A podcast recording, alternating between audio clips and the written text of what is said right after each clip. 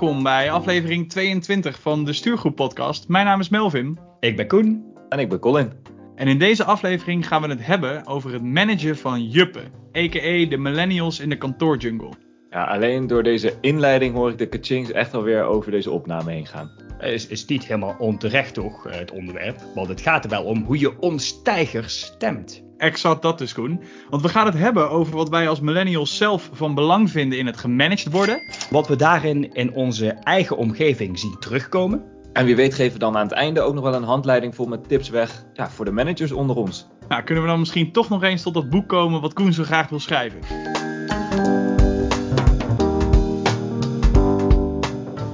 Geen aflevering van de Stuurgroep podcast voordat we het gehad hebben over de financiën. Vast en zeker ook een belangrijk voor millennials, dus wat dat betreft zitten we al op de goede lijn. Wij hebben daar volgens mij weinig over te klagen, gezien de stand van de boetepot, of niet Melvin? Zeker niet, want voor de mensen die nog denken, wat is de kantoorjargon boetepot? Waar hebben die gasten het over? Op www.destuurgroep.nl vind je onder het kopje boetepot een opsomming van alle woorden die wat ons betreft onder kantoorjargon vallen. Dat betekent dus, als wij tijdens een aflevering of op een onbewaakt ogenblik daarbuiten even willen zinken met iemand of iets tegen iemand aan willen houden zeggen, dan moeten wij op het matje komen bij Melvin. Ja, en dat matje hebben we twee weken terug in ieder geval uh, zeker gezien. Daar waren we erg van onder de indruk volgens mij. Want vorige week viel de schade best wel mee. Toch ook weer een paar pareltjes die ik graag zou willen benoemen. Zo zat Colin in een projectenorganisatie en had ik het over zogenaamde senior lagen. Ja, projectenorganisatie. Een organisatie die met name bestaat door het doen van projecten en dus geen producten maakt. Dat is wat ik uh, denk ik bedoelde. En ik vind die senior laag vind ik ook wel mooi dat die genoemd is. Melvin, ik vind hem ook heel goed bij jou passen. Want jij bent toch wel een beetje chef kantoorjargon bij ons. En je bent ook wel het meest senior van ons drie. Dus uh, ja, ideaal dat jij die noemt. Volgens mij bedoelde je gewoon mensen die... Ja, wat bedoel je ermee met senior laag? Mensen die wat meer te zeggen hebben in het bedrijf? Meer mandaat hebben in het bedrijf. Ondertussen voel ik gewoon een lichte sneer naar mijn leeftijd hier, Koen. Maar vooruit, dat, dat accepteer ik allemaal gewoon. Nou ja, Colin, zoals jij al zei, we hebben qua financiën in ieder geval in deze stuurgroep niets te klagen. Met de boetes van afgelopen week erbij, 5 hele euro's, staan we nu op 40 euro. Ja, laten we dan ook maar meteen gewoon doorgaan tot de orde van de dag. Want inmiddels begin ik ook chef definities te worden. Uh, dus laten we daar ook vandaag even mee beginnen. Als we praten over millennials, dan praten we over iedereen die geboren is tussen 1981 en 1998. En even een dubbele check. Jullie hebben geen verborgen paspoorten waardoor jullie vals spelen volgens mij hierin. Ik zit er middenin. Midden erin nog wel. Zit ik ook Ja, midden? Nee, nee, nee, niet ik er zit, middenin. Ik zeg zit niet, net niet in het midden, maar ik, zit er, ik, val, ik val in de bandbreedte. in de bandbreedte. We zeggen bewust geen range. Laat Nee, dat, dat mag even niet. gezegd zijn. Dat, is, eh, dat doen jullie heel goed, jongens. Klasse. Ja, want waar ik eh, vandaag met jullie achter wil komen, is hoe ik als manager om zou moeten gaan met het managen van millennials. Dus jongens, als jullie. Dus ik ga er eigenlijk ook jullie als steekproef voor gebruiken. Eh, er is al vaak genoeg eh, gebleken dat wij met elkaar van, eh, van gedachten verschillen. Dus dit is in ieder geval een fantastische steekproef van N is 2. Koen, hoe, hoe, hoe zou jij jezelf en, en ook wat leeftijdsgenoten omschrijven of typeren? Ja, dat wil ik eigenlijk doen om ook de, de goede en de slechte kanten te belichten. Want ik denk dat wij als millennials, zeg maar als, als goede kant hebben, wij zijn eh, wereldverbeteraars. Eh, wij willen heel veel waarde toevoegen aan het bedrijf waar we werken, maar ook aan de samenleving breder. We willen uitgedaagd worden, we willen anderen uitdagen, alsmaar bezig met leren, alsmaar bezig ook met plezier hebben in het werk. Nou, dat soort positieve trekjes volgens mij. En eh, de slechte dingen, wij zitten natuurlijk net voor generatie Z, die helemaal digitaal zijn, die daarmee zijn opgegroeid. En wij zijn een beetje zo'n tussengeneratie, dus we zijn ook wel een beetje, beetje digibate, toch wel. En wat ik ook wel merk, eh, dit is misschien ook wel een spiegel naar mezelf, onze aandachtspannen is vrij kort. En dan moeten we weer door met het volgende. Ik, ik snap wel goed wat je bedoelt. Af en toe slaat dat in mijn optiek ook nog wel een beetje door naar de verkeerde kant. Eh, en dan krijg ik een beetje van die hele heftige boomknuffelaar-achtige klimaatverandering. Weet je wel, dat soort vibes. Dat het puur gaat om daar maar aan bij te dragen. eh kost wat kost. En eh, dan slaat het een beetje uit naar voor mij in ieder geval het negatieve. Ja, en, en ik ging dus ook even googlen van wat, wat zijn nou de typische trekjes van een millennial? Of wat typeert ze nou? Ja, en dat zou dan zijn dat ze tech-savvy zijn. Nou, ik heb ons drie dan even als voorbeeld genomen. Mythbusted, als je het mij vraagt. Uh, maar Absoluut ik dan ik wil er één andere nog benoemen. Die schiet me eigenlijk zo te binnen. Want die heb ik mijn ouders wel eens horen zeggen. Dat wij de zogenaamde pamper-generatie zijn. Wij moeten de hele tijd gepamperd worden. Wij zijn niks meer gewend. Ja, ik herken me daar zelf natuurlijk absoluut niet in. En ik voel me daar direct beledigd door. Want ik ben natuurlijk de pamper-generatie. Maar eh, eh, wat vinden jullie daarvan? Nee, dat vind ik wel een hele goeie. Ik heb het ook wel vaker terug horen komen. En mijn opa die zei nog wel eens van... Ja, en jullie hebben... Jullie generatie noemt hij dat dan uh, hebben ook geen, geen oorlog of iets meegemaakt. Geen echte zware gebeurtenissen. Anders dan dat je nu zou kunnen zeggen: ja, we gaan met z'n allen door de hele coronasituatie heen. Maar het gaat ons natuurlijk voor een heel groot deel best wel voor de wind. En dan zitten wij in nog in een, misschien een samenstelling die dat al helemaal over zichzelf zou kunnen zeggen. Als je dat al zou willen. Je bent goed opgeleid, je hebt een goede baan, weet je, dat soort dingen maar we zijn ook niet zo heel veel gewend, zeg maar. Omdat we het zo goed hebben. Als het dan een keer tegen zit, dan uh, is het wel met hangende pootjes naar papi of mami of wie dan ook. Dus die pampergeneratie, ik, ik begrijp het wel. Jongens, dit zijn al een beetje dan de karakteristieken van de millennial aan zich. Maar wat, wat zien jullie nou specifiek bij jezelf terugkomen hiervan, van dat stempeltje? Persoonlijk ben ik niet zo van dat van dat hokjes denken. Ik ben toch tenslotte een millennial, dus ik laat me niet uh, oh, zomaar in een, uh, in een hokje wegstoppen. Maar ik herken bij mezelf bijvoorbeeld wel, hè, wat Koen ook zei, dat je bijvoorbeeld die positieve bijdrage wilt leveren. Dat je toch ook wel in je werk gaat kijken van oké, okay, je hebt een bepaalde, bepaalde opleiding gedaan. En ik ben in ieder geval wel bezig met wat betekent de projecten die wij doen nou bijvoorbeeld voor de maatschappij waar we in leven. Daar denk ik wel over na, laat ik het zo zeggen. Dus in die zin herken ik vooral dat aspect wel goed ja, zoals ik zei, dat, dat stukje over, over digibate zijn, ja, of juist niet. Eigenlijk zou ik tech-savvy moeten zijn. Nou, in die zin ben ik dus niet echt een uh, millennial. Maar uh, ik ben wel benieuwd, Koen, je had het nog over dat stukje van de pamper-generatie. Ja, moeten we natuurlijk wel even, even alle drie even eerlijk zijn of we onszelf daar nou echt in herkennen. Ja, om eerlijk te zijn, zou ik zelf zeggen van niet. Maar ik ben dan ook wel weer zo, zo woke, zo zelfbewust millennial als ik ben. Als je van een afstandje naar mij kijkt, dan zul je vast uh, zeggen van... Ah, die jongen is wel echt een, een echt zondagskind. Ik heb al overal geluk bij gehad. En dus ik, kan me goed voorstellen mensen dat dan een uh, pampertje vinden wat ik om heb. En tegelijkertijd, dat heb je al, ik ben al wat kleiner natuurlijk, dan die pamper om. En heb ik ook nog, ik heb niet zo lange concentratieboog om eerlijk te zijn. Dus wat dat betreft zit dat misschien dat, uh, dat kindse millennial dan wel heel erg in me.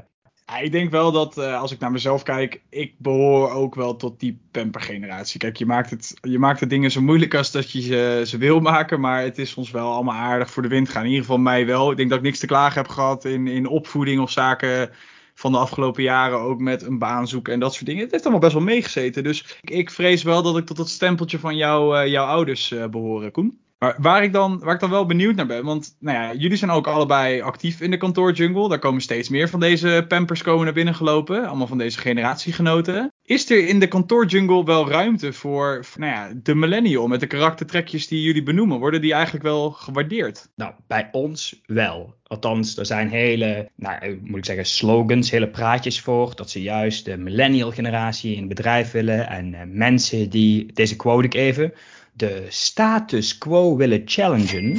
Dat soort, dat soort termen eh, vliegen er dan uit. term, zeker. Ja, toch, toch heerlijk. Maar dat is, uh, het wordt heel erg gezien omdat wij die waarden ook willen leveren. En omdat wij tegen die gevestigde orde durven aan te schoppen.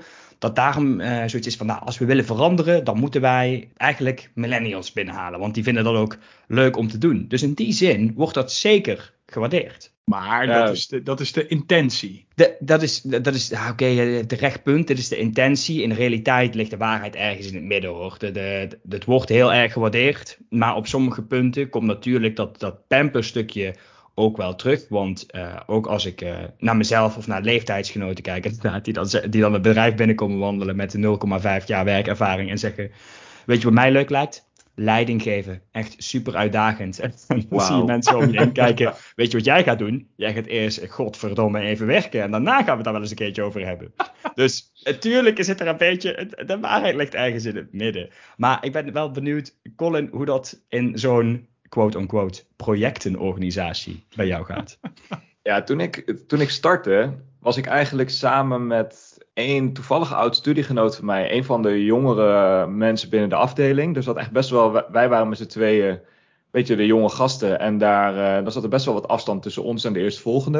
En ik moet zeggen dat in de afgelopen vijf jaar best wel wat mensen die wij dan zouden bestempelen als millennial. En misschien, nou ik denk niet al een werknemer, maar misschien een stagiair. Die zelfs al wel na die 1998 geboren is. Dat zou zomaar kunnen. Maar er is echt best wel een, een verjonging gaande binnen de, binnen de afdeling. Is verjonging een juist woord? Jawel. Maar in ieder geval gemiddelde leeftijd drastisch omlaag gegaan. En mijn manager die is juist ook heel erg bezig. Niet zozeer met, joh, ik ben specifiek op zoek naar iemand met een bepaalde leeftijd. Of onder een bepaalde leeftijd. Maar vooral van, joh welke persoonlijkheden dragen nou nog iets bij aan dat wat er al zit. Dus het gaat niet zozeer over wat voor opleiding heb je gedaan of waar is je scriptie over gegaan of waar heb je stage gelopen, maar meer van joh, kan ik nou nog personen aan dit team toevoegen? En toevallig zijn dat de laatste tijd best wel wat jonge mensen geweest die net toch even een andere kijk hebben op hoe we zo'n project zouden moeten draaien. Kan ik nou nog mensen aan dat team toevoegen die echt een steentje bijdragen aan die diversiteit en, en hun eigen, nou ja, zeg maar hun eigen invalshoek nog toevoegen aan, aan dat wat we al uh, rond hebben lopen?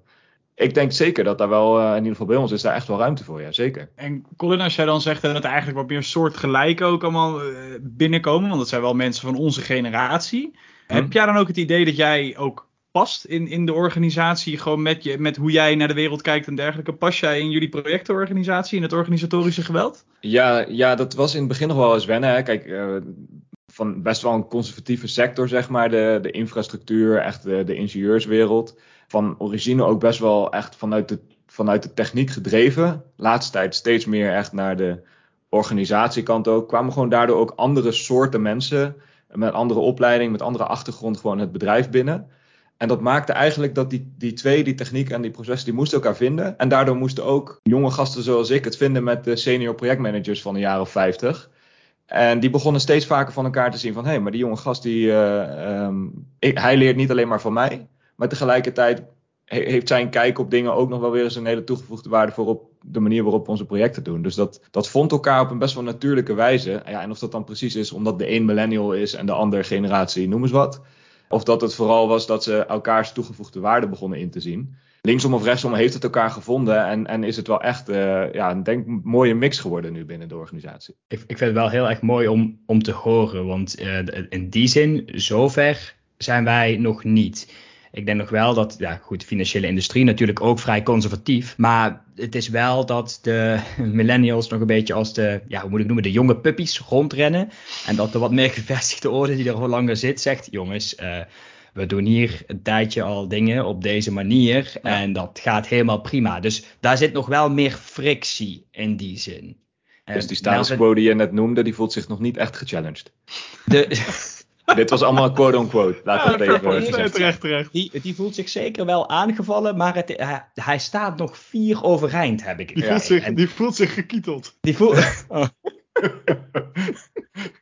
nou, maar ik denk ook dat wij in uh, in de kantoorjungle hebben we nou, in sommige gevallen dus ook zelfs moeite met het, het, aantrekken van millennials. Maar wat ik ook wel zie gebeuren, is dat we ook moeite hebben met het behouden van millennials. Ja, leeftijdsgenoten van ons die het twee of drie jaar lang uithouden. En daarna toch hè, voor het grotere doel bij een start-up, scale-up toch aan de slag gaan. Of meer maatschappelijk georiënteerd ergens iets, iets gaan doen. Dus het, het, klinkt allemaal misschien heel interessant bij binnenkomst. Maar uiteindelijk zie je toch dat best wel veel leeftijdsgenoten uitstromen. Hoe, hoe, zien jullie dat? Ik zie dat wel regelmatig gebeuren bij ons. Dat uh, collega's vertrekken naar nou, best wel kleinere adviesbureautjes, maar dan toch wel in dezelfde sector. En die bedrijven hebben dan van die hele uitgesproken missies en allemaal van die marketing-uitingen, weet je wel. Waardoor ze dan echt laten zien dat zij toch wel de wereld verbeteren. En dat die mensen daar dan naartoe gaan met het idee van, ja, daar kan ik echt impact maken. Koen noemde dat volgens mij dat ook al. Een beetje, voor mij heeft dat een beetje een negatieve lading gekregen, omdat het bijna een soort van doel op zich lijkt te worden. Maar de weg ernaartoe, die is voor niemand dan duidelijk. Maar dan ja, vooral heel hard met z'n allen in de rond te roepen. Oké, ik ben nu heel hoop mensen aan het afschilderen. Slecht aan het... Uh... Jij houdt geen vrienden over aan af. ja, wat ik daar in ieder geval mee probeer te zeggen is dat in mijn optiek het gras wel heel snel groener lijkt misschien bij zo'n klein bedrijfje. Terwijl je dan daar misschien zit en er uiteindelijk dan achterkomt van ja, die doen ook de kleinere projecten. Die hebben ook minder middelen beschikbaar om die beoogde impact te gaan maken. Uh, soms kun je misschien door de, op de juiste plek terecht te komen in zo'n grotere organisatie. Die dan al in dezelfde sector actief is en de juiste mensen om je heen te verzamelen. Wel momentum creëren met nog weer veel meer backup zeg maar, van kennis, van ervaring, van toegang tot grote projecten, tot klanten, et cetera. Maar ja, goed, ik, ja, jullie horen het al aan mij. Ik ben, ik ben daar gewoon niet zo, uh, niet zo van overtuigd dat dat de juiste keuze is per se. Nou ja, of het de juiste keuze is of niet. Kijk, jij, jij zit nou heel erg op dat inderdaad Wat ik zelf ook wel een beetje voel hoor. Je wilt aan het grotere geheel bijdragen. Maar ik denk ook wat een reden kan zijn, is dat je in dat impact maken, wat je noemt. Je wilt daar direct resultaat van zien. Bij zo'n groter bedrijf, bij zo'n bij zo'n corporate in die kantoorjungle, is het toch sneller dat het allemaal logger is, allemaal wat trager, stroperig. Het duurt allemaal wat langer. En bij die kleinere bedrijven, start-ups, scale-ups, kleinere adviesbureaus, maakt niet zoveel uit. Het Mhm. is vandaag heb je een idee, volgende week sta je in de uitvoering. Dus in die zin kan dat ook nog wel meehelpen. Eh Melvin, dat verklaart overigens niet waarom die uitstroom dan groot zou zijn. Misschien is dat door teleurstelling in de kantoorjungle of Nou zo. ja, goed. Kijk, als je iemand eh, aanneemt met eh, de term je mag de status quo challengen en na twee jaar ben je nog niet aan de challenge toegekomen, kan ik me voorstellen dat met wat jij noemt, dat men ongeduldig is, graag resultaat wil zien, dat je dan zoiets hebt van ja, ik, ik behaal hier niet wat ik wil behalen. Ik bedoel, dat, Ja, dat, of, dat- of Melvin, wat, wat Koen net zegt, hè, dat je gewoon bij wijze van een zere teen hebt van de hele tegen die status quo aanschoppen, maar er verandert gewoon helemaal niks, in jouw beleving in ieder geval. Dus niet dat je er, dat je er niet aan toe komt, maar dat je gewoon al je energie er bij wijze van insteekt. En je komt er gewoon achter dat wat Koen net ook zegt, ja, dit is nou eenmaal, eh, dit is nou eenmaal de manier waarop we het hier doen. Deal with it.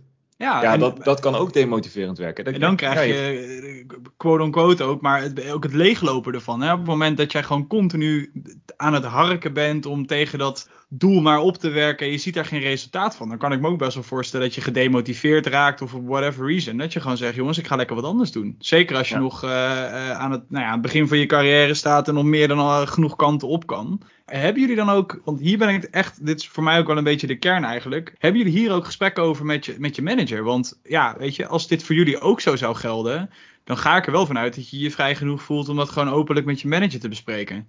Goede timing eigenlijk ook wel van deze opname. Ik had toevallig eind september een, ja, mijn, eh, wat is het, de kwartaal-evaluatie, noem het eens iets. In ieder geval, ik had een gesprek met mijn manager gewoon over mijn eh, persoonlijke ontwikkeling en nou, waar, wat zie je gebeuren in het bedrijf, waar maak je je zorgen om. En toen heb ik letterlijk dit aangestipt. Dat ik dus, dat in mijn ogen het verloop van gewoon jonge, jonge mensen zoals ik, het is gewoon best wel hoog. En dan soms gaan ze inderdaad naar die kleine bedrijfjes, zoals we dat net noemden. Maar in heel veel gevallen zie ik ook gebeuren dat ze gewoon vrijwel hetzelfde soort werk bij concurrenten gaan doen. En als je dan, eh, iemand als ik die zijn carrière is gestart bij onze organisatie, de eerste twee, drie, vier jaar, dan investeer je gewoon best wel veel in zo iemand. Je, je neemt iemand mee op projecten, misschien tegen, soms gewoon op interne, interne overleg gaat dat dan bij ons. Hè, dat, dat je niet je, je uren kwijt kan op projecten voor klanten, maar dat je dan gewoon in opleiding een soort van meedraait. Of je laat mensen trainingen Mhm. volgen, of in ieder geval, je steekt geld in de ontwikkeling van iemand. En vervolgens weet je gewoon zo'n persoon niet voor een lange termijn te verbinden aan je bedrijf. Ja, dat is gewoon hartstikke zonde.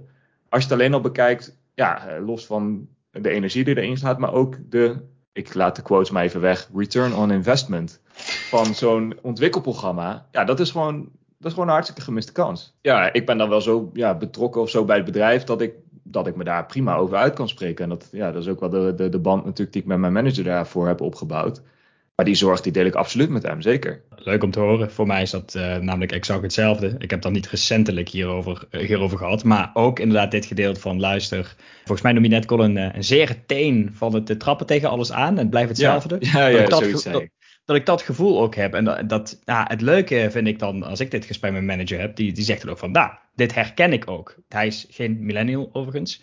Dus wat dat betreft, ja, kan ik, kan ik het ook heel erg met, met hem delen. Tegelijkertijd heb ik wel het idee dat, dat ik daar redelijk ook wel eenzaam in ben. Ik, Ja. ik deel het wel met hem, maar als ik dan heb met eh, leeftijdsgenoten, dan is er meer een soort van gelaten sfeer. Als in, eh, ja, dat moeten we wel proberen. Maar niet echt dat iemand het concreet oppakt. Mis- misschien ook dat, dat, dat ik er niet genoeg met ze over heb hoor. Maar ik, het- af en toe voel ik me hier wel een beetje alleen in om dit te delen. En is Want- dat dan, kan, kan dat ook zijn, Con, omdat jij dat misschien niet heel concreet weet te maken, dat het ook meer een gevoel van jezelf is, zeg maar? Of, is, of, of kun je dat echt met hele specifieke voorbeelden ook met je collega's delen? Bijvoorbeeld, hè, waar ik het net over had, ik zie gewoon eh, collega's weglopen naar, naar concurrenten, naar kleinere bedrijfjes, die ook aangeven van ja, ik, eh, ik had gewoon het gevoel dat ik hier eh, bepaalde dingen niet kon gaan doen die ik daar wel, die mogelijkheden zie ik daar wel, of die, eh, dat die beloftes zijn me daar wel gedaan. Dus voor ons is dat vrij concreet, waar we dan ook iets aan proberen te doen.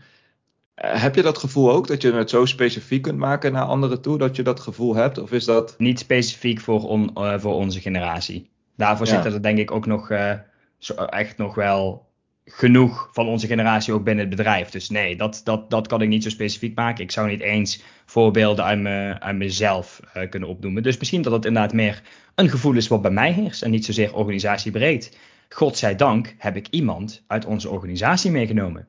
Ha, ja, en ik kan me heel erg uh, herkennen in jouw manager, Koen. Weet je wat? Het herkennen van uh, wat jij zegt. Alleen daarna, dan zit je in de stoel van de manager. Daar heb je dan zogenaamd hè, wat meer streep op je mouw. Maar je bent nog steeds, je hebt niet de, de macht om alles wat jij mij aan input zou geven, om dat meteen te veranderen. Of om die hele organisatie meteen in beweging te krijgen, zodat we wel sneller die resultaten boeken. Zodat dat wel uh, die enkels sneller doorgezaagd kunnen worden, in plaats van dat je er meteen tegenaan kan blijven schoppen. Kijk, en, ja. en dat, is, dat is een beetje het, het, het, het manco. Uh, want eigenlijk wil je het liefst tegen iemand zeggen die met die goede intenties erin zit. Van joh, laten we dat eens samen gaan doen. Hè? Samen vooruit, samen op pad en, en uh, de boel gaan veranderen. Maar je weet ook dat als je dat zegt, dat je dat ja, niet voor de volledige 100% ook kunt waarmaken. Dus voor mij zit het er ook wel in. Wat, wat, wat als jij dit aan, aan zou geven, Koen, en misschien ook wel voor jou, Colin. Wat is dan ook de juiste actie of reactie van een manager die daarbij hoort. Want ja, nogmaals, je kan het zien en herkennen. Maar als je daarna dan twee weken lang er niks mee doet. En je, Koen, je komt daarna weer terug. En je zegt weer hetzelfde tegen mij. Ik denk als je dat vier keer doet, dan sta je daarna buiten. Dan zeg je gewoon veel, zoek het uit. God, dat, dat, dat is natuurlijk ook een, hele moeilijke. Wat, wat ik fijn vond. Uh, zij was destijds niet mijn manager. Maar ik werkte wel veel met haar. Uh, met, uh, met Salua, toen die nog bij ons in het bedrijf zat. Zij deed eigenlijk op die manier van. Nou, weet je wat, jij wilt uitgedaagd worden, prima ga maar, ga maar doen. Ik hou je wel even een hand boven het hoofd. En uh, als je daarna komt terughuilen, is het prima. Kom je daarna een overwinning terugvieren, is het ook prima. Dus dan is het meer van iemand neemt het als het ware voor je op. Neemt je even een bescherming, dat je even in een afgeschermd hoekje of zo je werk kan doen. Mm-hmm. Zodat je dat, ja, daar haalde ik in ieder geval heel veel plezier en energie ook uit. Dat ik denk van oké, okay, iemand staat achter me, ik kan het nu gewoon doen. De rest van de organisatie wil het misschien niet, maar dit is wel voor het goede van de organisatie. En uiteindelijk, als het helemaal misgaat, dan staat er iemand die zegt: Ja, maar dit was wel goed dat hij het deed, dus prima. Ja, en dat gaf mij echt. van veiligheid, ja. Ja, exact. Ja. Die, dat, dat is het gevoel van veiligheid om het gewoon te gaan doen. Om het gewoon maar ook te proberen. een stukje support en vertrouwen als ik het zo hoor. Gewoon ga maar doen en ik help je. En, en ik, ik, nou ja, ja, ook een stukje vertrouwen wat iemand dan uitspreekt aan jou. Zeker. Ja, maken, dat... die, maken die twee niet dat het veilig voelt? Uh, je dat voelt ja, support, je point. voelt uh, dat je vertrouwen krijgt en Zeker. daardoor voel je de, de geborgenheid, de veiligheid om dan ja, gewoon maar eens te, te experimenteren, gewoon maar eens aan de slag te gaan. Ja. ja ik heb wel eentje, als ik dan ook heb van hoe kunnen managers, millennials of mijzelf in ieder geval helpen. Ik heb dat zelf, ik ga er niet helemaal over uitweiden, maar best wel een les, een goede les, een beetje de hard way geleerd. even wel een paar weken ook eruit geweest. En waar voor mij ook wel een hele belangrijke les zat, is dat millennials geneigd zijn om niet altijd te reflecteren op waar ze nou druk mee zijn. We zijn best wel geneigd om gewoon ons maar helemaal onder te dompelen in werk en dan af en toe niet uh, of heel weinig na te denken over ja, waar zijn we nou eigenlijk druk mee. Ik zie daar wel een rol voor de organisatie, weet je wel. En dan niet tegen iemand zeggen van ja, foei, ga minder werken. Maar gewoon iemand is bij de hand te pakken. Geen hashtag MeToo. Maar iemand is even uit die, uit die snelheid van zo'n, van zo'n werk weten te trekken en te bedenken met elkaar van joh, waar ben je nou eigenlijk druk mee? Ben je druk met de dingen die passen bij jouw persoonlijke ambities en bij je ontwikkeldoelstellingen? Ben je nou echt dingen aan het doen waar je energie van krijgt?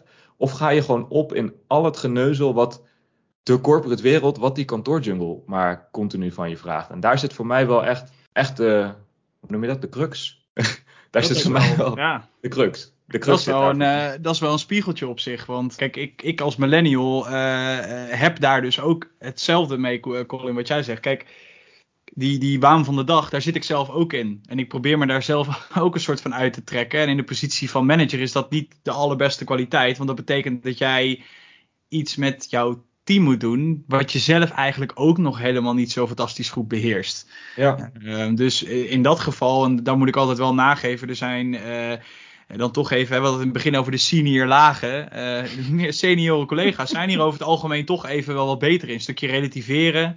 Ja, ik kan nu heel veel andere termen gebruiken die euro's gaan opleveren, maar quote-unquote uit kunnen zoomen. En, en jou ook gewoon inderdaad aan de hand mee kunnen nemen van joh, wat is er nog meer dan hetgeen waar jij nu dagelijks mee bezig bent? En dat is, wel een, dat is wel een kwaliteit op zich, moet ik zeggen. Dat is wel, als je dat kan, daar heb ik wel erg respect voor als manager. Dat is ook wel voorbeeldgedrag. Laat ik het ja, zo, zeker. Maar, toch, zeggen. we, we, we- we hadden het over van wat hebben wij nu als, als, nou, we even, eh, als jonge gasten, jonge mensen in die kantoorjungle nou nodig van ons, van ons management. Dan denk ik dat, dat dat een van de belangrijke dingen is. Want het is helemaal niet erg dat je, dat je ambitieuze jonge mensen aan je bedrijf weet te verbinden. Sterker nog, ik denk dat het heel, die hele positieve energie kan geven. Maar af en toe even met elkaar, wat ik zei, uit die snelheid van zo'n zo'n start van je carrière. En eens na te denken over van, joh, welke kant ben je nu eigenlijk op aan het rennen?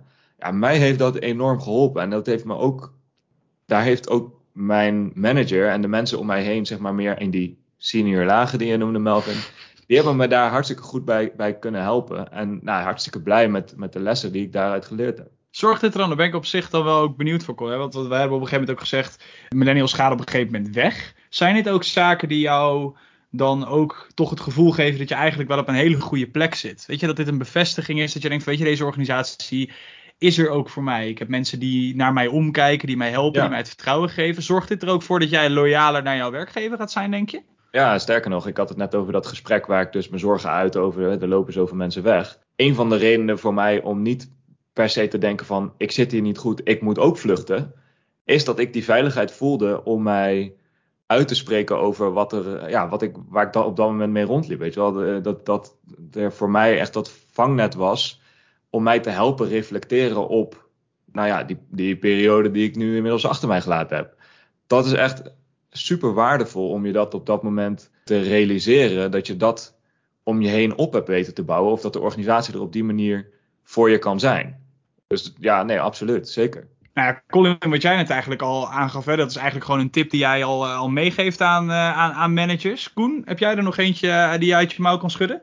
Z- Zeker. Kijk, ik had het net natuurlijk over eh, dat, dat vertrouwen te kweken. Maar aan de andere kant ook die waardering geven. En of dat nou in de trant is van, weet ik wat, een financiële beloning. Dat maakt niet zoveel uit. Maar in ieder geval uitspreken. Want wij millennials, wij, wij craven toch ook wel een beetje om, om gezien te worden. Van goed gedaan. Of met een, met een beloning van, nu mag jij dit, weet ik wat, moeilijkere project gaan leiden.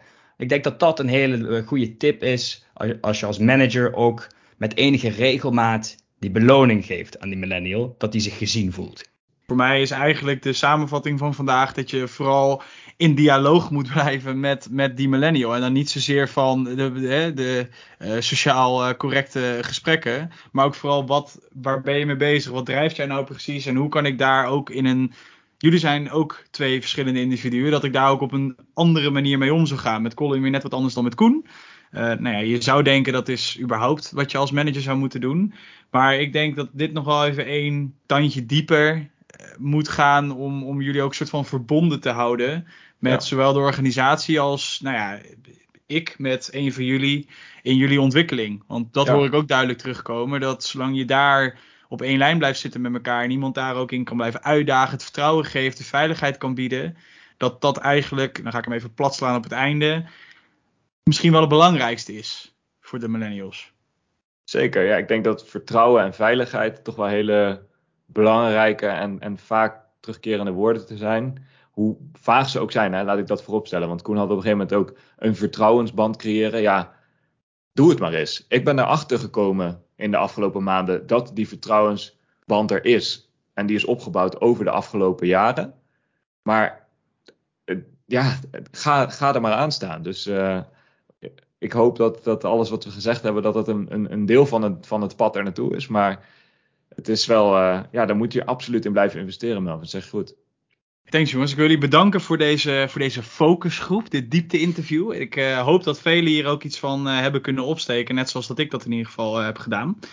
En heb je als luisteraar nou een, een typisch verhaal wat hier ook bij aansluit? Ook als je trouwens geen millennial bent en denkt, joh, ik ervaar echt een bizarre generatiekloof hier met dit volk. Of wil je gewoon een ander kantoorverhaal met ons delen? Voel je dan vrij om dat naar ons toe te sturen. Eh, dan bespreken we het ook graag in een volgende aflevering. En je kunt ons bereiken via info.destuurgroep.gmail.com of via de socials. En volgende week zijn we dan weer terug en dan hebben we het over een ander belangrijk item in de kantoorjungle, namelijk communicatie. En dan specifiek e-mails. We gaan proberen tot kantoorgeboden te komen. En tot dat moment blijf je natuurlijk van al onze activiteiten op de hoogte via de socials. Toch, Colin? Jazeker. Vond je dit nou een toffe aflevering? Vergeet de Stuurgroep Podcast dan niet te volgen op Spotify of Apple Podcast. Leuk om te doen op Apple Podcast trouwens is een review achterlaten of in ieder geval de podcast even te beoordelen met een rating. Naast de podcast plaatsen we natuurlijk regelmatig artikelen op onze website. Dat is www.destuurgroep.nl. En zijn we actief, zoals Melvin zei, op de socials. Dat is heel simpel. Add de stuurgroep op Instagram en de stuurgroep op LinkedIn. Volg ons even, weet je precies waar die volgende afleveringen over gaan, wanneer ze online staan en wanneer er weer een artikel op de website staat. Voor nu zou ik zeggen bedankt voor het luisteren en tot volgende week.